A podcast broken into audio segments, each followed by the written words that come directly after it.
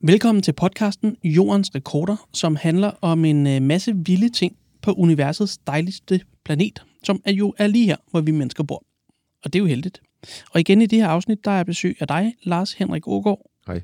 forfatter til bogen Jordens Rekordbog, som denne her podcast handler om. Altså, det er jo faktisk dig, der har bestemt, hvilke rekorder vi skulle tale om her i podcasten. Og da du ringede til mig forleden dag og sagde, at det her afsnit blandt andet skulle handle om verdens højeste bjerg, så, øh, så sagde jeg jo med det samme, at det var Mount Everest. Det ved alle jo. Men så sagde du, at det er ikke nødvendigvis rigtigt. Og så vil du ikke sige mere. Så jeg er egentlig ret spændt på, hvad du mener med det. For er Mount Everest ikke verdens højeste bjerg? Mm, jo, øh, det vil de fleste jo sige, at det er. Og det er det jo også på en måde, men det kommer an på. Ikke? Og så kommer jo så det spændende øh, bagefter.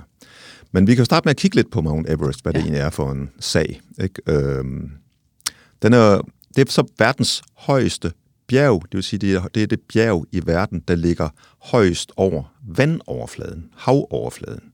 Så hvis man måler fra havets højde, altså fra, hav, fra havniveau, som er 0 meter, og så op til, hvis man fortsætter, man kunne skyde en pind op i luften, ikke? og så kunne man lige sigte præcis på toppen af Mount Everest, der langt inde i baglandet, op i Himalaya-bjergene, ikke? Øh, op på grænsen mellem øh, nærmest Indien og Kina, eller et lille land, der hedder Nepal og Kina, øh, jamen så vil man, øh, pinden skulle være 8.848,8 meter høj, tror jeg, helt, for at være helt præcist. Ikke? Så vi siger 8.849 meter. Ikke? Og det er jo sindssygt højt. Øh, og det, det er et par hundrede meter højere end det næsthøjeste bjerg på jorden. Ikke? Og det er så højt op, at hvis du nu tog en sådan en campingudstyr øh, med, til kunne øh, koge vand med, jamen så vil øh, du ikke rigtig kunne få varm kaffe eller varm suppe, fordi, fordi jordens tryk er meget lavere, altså lufttrykket er meget lavere deroppe, og det er lufttrykket, der bestemmer, hvornår vand det koger. Øh, og så koger det simpelthen ved en lavere temperatur, så vidt jeg husker, det er 68 grader deroppe. Og det er jo altså så varmt, at du nærmest ikke brænder dig på det, hvis du drikker øh, en kop kaffe eller en kop kakao eller sådan noget, ikke? Øh, nylavet øh, ud fra vand, du har kogt det op. Så det er jo lidt sjovt, i modsætning til hvis du stod hernede i hos lavlandsdanskerne, ikke? der er jo ikke noget, der er højt her hjemme i Danmark, ikke? Så, så vil du øh, skulle brænde, så vil du brænde, når du skulle have det her vand ikke? deroppe fra. Så man brænder ikke tungen på varm kakao deroppe, det er da meget smart. Nej, ja, det er ret smart. Men på trods af det her, hvor at, uh, trykket er anderledes, og vi er altså, næsten 9 kilometer op i luften, det er jo så... lidt lavere end øh, flyvemaskiner flyver, når de er nået op i rutefart, kan man sige. Der vil man typisk være altså mindst 10 km. Mellem 10 og 12 km vil man cirka være op, når man er oppe og flyve. Man kan lige flyve hen over spidsen af den. Men faktisk så lægger man øh, alle fly, de flyver udenom, for det er simpelthen for farligt at flyve så tæt på de der høje tinder i Himalaya-bjergene. Og alligevel er det ikke nødvendigvis det højeste. Nej, det kommer an på, hvordan man kigger på det nemlig. Ikke? Vi kan jo i stedet for gå til et andet bjerg, man også kan kalde for verdens højeste. Og så skal vi over til øh, de her meget smukke øh, amerikanske øer midt i Stillehavet, der hedder Hawaii. Øh, og de er jo alle sammen lavet af vulkaner, der er skudt op nede fra havbunden. Øh, der er nogle, nogle af de øh, kraftigste vulkaner faktisk ude, vi har på jorden, de ligger der under øh, Hawaii-øerne. Og der er næsten konstant udbrud derovre i, øh, i øh, vulkaner. Men øh, det højeste punkt på øh, Hawaii-øen, det ligger, jeg tror det er 4.000, knap 300 meter over havets overflade. Det hedder Mauna Kea, en meget sådan stor vulkan, der er deroppe. Ikke? Men i modsætning til, hvis man nu kigger på, hvis man nu fjernede alt vand i verden, tog alt vand, som pumpede alt jordens havvand ud i rummet, ikke? bare for at se, hvordan det så ville se ud, ikke? jamen så vil man se, at det, at det her bjerg, det i virkeligheden begynder ned på havbunden, ikke? og rejser sig så direkte op fra havbunden, og så op til, til tinden deroppe, ikke? som altså ligger, hvis vandet var der, 4,3 km over havets overflade. Men i virkeligheden, så fortsætter det øh, 5-6 km helt ned til havbunden direkte, ikke? så det har en samlet højde fra havbunden på, så vidt jeg husker, 9,3 km eller sådan noget. Så på den måde kan man så sige, at, at fra, fra bunden og direkte op til toppen, så er Mauna Kea verdens højeste bjerg. Men så er der jo et bjerg mere. Ja, og her der er vi simpelthen inde og rode ved øh, noget af det mest fundamentale overhovedet, fordi jeg har altid fået at vide, at jorden var rund. Ja, og det er den jo så alligevel ikke, fordi faktisk er den lidt ligesom en mand, der drikker lidt for mange øller, øh, for tyk øh, på maven, ikke, hvis man kan sige det sådan. Og maven, det skal man så sige, det er ekvator. Og det er simpelthen der, hvor jorden er tykkest. Fordi når den drejer rundt om sig selv de der 24 timer i døgnet, ikke, så øh, over millioner af år, så skyder jorden med den kraft, den bruger på at dreje rundt om sig selv, en del af landmasserne, øh, en del af sin vægt ud mod maven, kan man sige, ud mod ekvator. Så øh, faktisk er jordens omkreds nede ved ekvator cirka 40 km længere, end hvis man går den modsatte vej, altså gennem Nordpolen og Sydpolen. Så jorden og, er en, en lille bitte smule oval? Ja, en lille bitte smule. Det er ikke noget, du kan se, men altså, det giver alligevel 40 km mere. Og det er så nok, at den, at den buler ud. Så hvis du placerer et bjerg, hvis du har et bjerg, der står på ekvator, så har det allerede en, en, en, en god bund at stå på, kan man sige, som gør, at det rager virkelig langt ud i rummet. Eller er meget langt fra jordens kerne. Og der kan vi så tage over, tage over til landet Ecuador. Ecuador, det er jo simpelthen opkvaldt e-, efter ekvator. Ikke? Det er simpelthen det, der har navn efter øh, øh, der står en, en kæmpestor vulkan, virkelig flot, og med sne på toppen og det hele. Øh, vulkan, der hedder øh, Chimborazo, så, som er 6,3 km høj deromkring. Øh, men når du står op på toppen af den der, så står du længere væk fra jordens kerne, end du gør noget andet sted på jorden, inklusive på Mount Everest. Og man kan også på en måde hævde, at det er der, hvor du ligesom rækker længst ud i rummet. På en måde er du øh, tættere på rummet, end du er på toppen af Mount Everest. Ikke?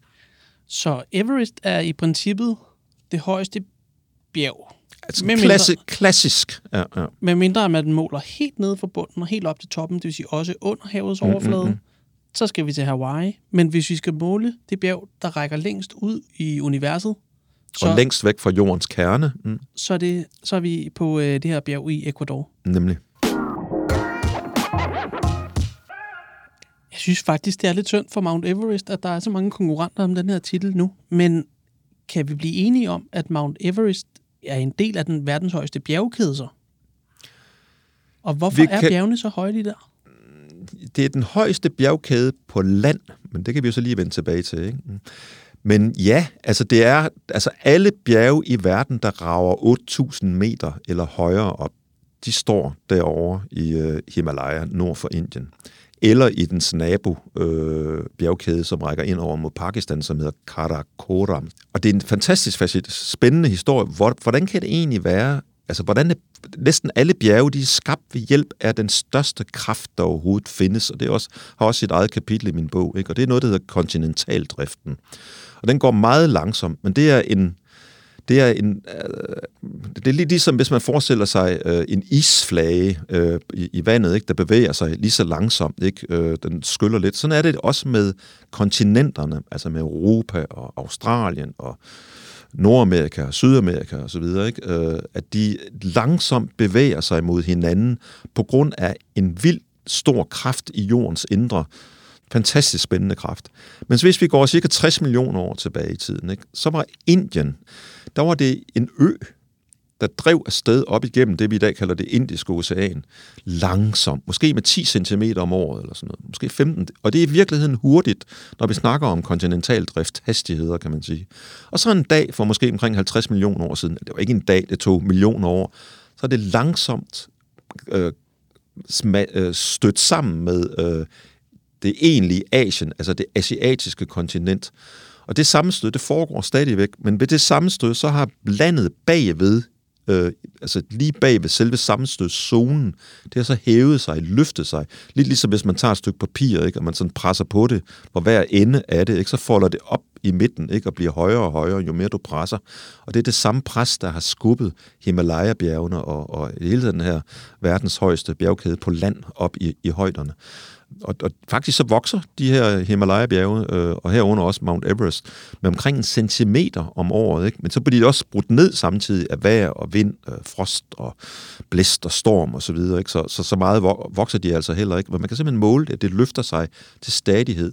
Og det er altså det her kæmpe ongoing sammenstød, der øh, øh, har, har, har skabt de her bjerge.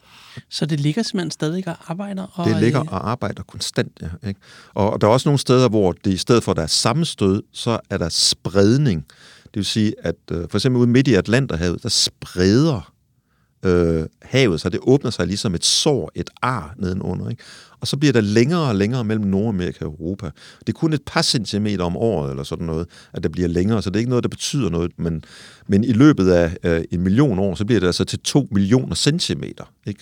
Og det er altså også, øh, det er, så vidt jeg husker, øh, 20 kilometer, at afstanden bliver større. Ikke? På den måde bliver der hele tiden møbleret om på kontinenterne, på havene, på bjerge, og det falder op, og det falder ned, og der kommer søer, og der kommer nye floder, og der kommer nye kyster, og, øh, og så videre, så videre. Men ikke noget, vi lægger mærke til i et enkelt menneskes liv. Dertil går det alt for langsomt. Men langt ude i fremtiden, så skal de have tegnet nogle nye verdenskort. Så skal vi have tegnet nye verdenskort, ja. Det kommer til at se helt anderledes ud. Men faktisk, Lars Henrik, nu, nu kommer du faktisk ind på noget, du lige nævnte før, da jeg snakkede om den øh, længste bjergkæde.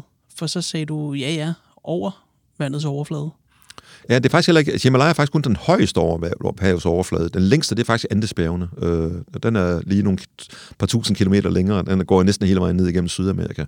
Ikke? Men der er ingen bjerge, der er over 8 km højt. Der skal man til Himalaya for at finde dem. Så det er den højeste. Ja.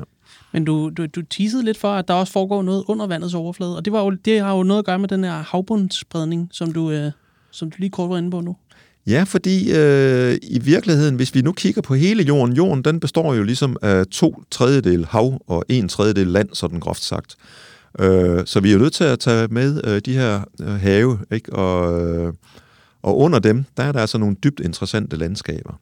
Og det er her, vi finder verdens længste bjergkæde overhovedet. Øh, det er den midtatlantiske ryg, den midtatlantiske havryg, som går helt op fra i nærheden af Nordpolen og helt ned til nærheden af Sydpolen, og den er omkring 16.000 km lang. Så kan man spørge sig selv, jamen under havet, det er jo lidt snyd, ikke? Øh, nu har vi jo ligesom, vi tæller jo det der Mount Everest, det er jo kun, hvad der er over havets overflade, der tæller med, ikke? Men altså, vi skal altså huske på, at øh, de her have øh, over på, på jorden, de er i gennemsnit næsten 4 km dybe. I gennemsnit. Nogle steder er de op til 11 km dybe, andre steder er der måske kun et par kilometer dybt, men i gennemsnit, og når vi tager ned igennem det midten af Atlanterhavet, så er der masser af steder 5 km, 6 km ned til havbunden. Og midt imellem, midt der, der er der altså en bjergkæde, der rejser sig 2-3 kilometer op fra havbunden, næsten kontinuerligt over 16.000 kilometer. Ikke? Altså nærmest fra den ene ende af jordkloden til den anden ende af jordkloden. Øh, og den er opstået, fordi at havbunden, den hele tiden sprettes op af det, som jeg kaldte for havbundsspredning før, og skabt af den kontinentaldrift, den der jordens største kraft i virkeligheden. Øh, og man kan faktisk se det nogle steder. Altså, der er nogle enkelte steder, de her bjerge, de går på land, kan man sige. Det gør de for eksempel i Island, øh, som øh, er et meget ungt land. Det er kun måske 20 millioner år gammelt. Det er meget ungt. Og det er, fordi det er opstået en masse nye vulkaner. Der er stadigvæk hvert fjerde år, eller sådan noget, vulkanudbrud i Island. Og der kan man gå over en kløft, som i virkeligheden er øh, midt på, hvis man står på en bro midt i den kløft, så står, kan man stå med det ene ben i Nordamerika, og det andet ben i Europa. Fordi som man siger, simpelthen, at grænsen mellem Europa og Nordamerika, den går igennem den kløft, som går lige igennem Island. Ikke? Og der sprættes jorden altså op, og så kan jordens blod, lavaen, så vælte op derfra, ikke? Øh, hele tiden, og har skabt Island, men har altså også skabt, fordi den sprættes op, den her øh, havbund over kæmpemæssige arealer, alle de her bjerge, der ligger dernede, og nogle enkelte steder, så titter de altså op fra, fra, øh, fra havbunden øh, og helt op, stikker op gennem som, som øer over øh, havoverfladen. Ikke? Men og det er langt sket, det meste, der gemmer sig dernede. Ja. Og det er jo sket så sent som i 1963, hvor der pludselig dukker en ny ø op. Ja, der var en ø, der hed Surtsey, øh, som øh, blev skabt der, en islandsk ø, øh, øh, det er ikke engang verdens yngste ø længere, ikke? men øh, der var et vulkanudbrud, der stod på der over mange år, 4-5 år eller sådan noget, øh, og som skabte en helt ny. Den er ikke specielt stor, måske en kilometer fra den ene ende til den anden, men allerede i dag er der dyr, planter, der gror der, og øh, fugle og æderkopper, der er blevet, altså insekter, der er blæst over fra, fra selve Island, ikke, og har fundet et nyt hjem derovre. Så øh, det er ved at blive til sin helt egen øh, ø, og man kan følge, hvordan livet slår rod et helt nyt sted. Øh, og det er kun 50 år gammelt, eller sådan noget, den her øh, nyskabte ø derude. Mm. Og den ø kan man læse mere om i din bog, Jordens Rekordbog. Men øh, det var faktisk andet afsnit i den her podcast-serie. Og som jeg lige var inde på, hvis man vil læse flere vilde rekorder for vores dejlige planet, så er der faktisk 100 af slagsen i din bog. Man kan blandt andet øh, læse om klodens kæmpekræfter og jordens rekordsteder, og det er noget af det, vi har snakket om her. Og så kan man også læse om øh, menneskers jordrekorder. Der er virkelig meget at, at dykke ned i. Det er bare med at komme i gang. Det er det nemlig. Og rigtig god læselyst med det. Og så høres vi ved i næste afsnit, hvor vi skal høre om søer. Det glæder jeg mig til. Det gør jeg også. Tak for nu.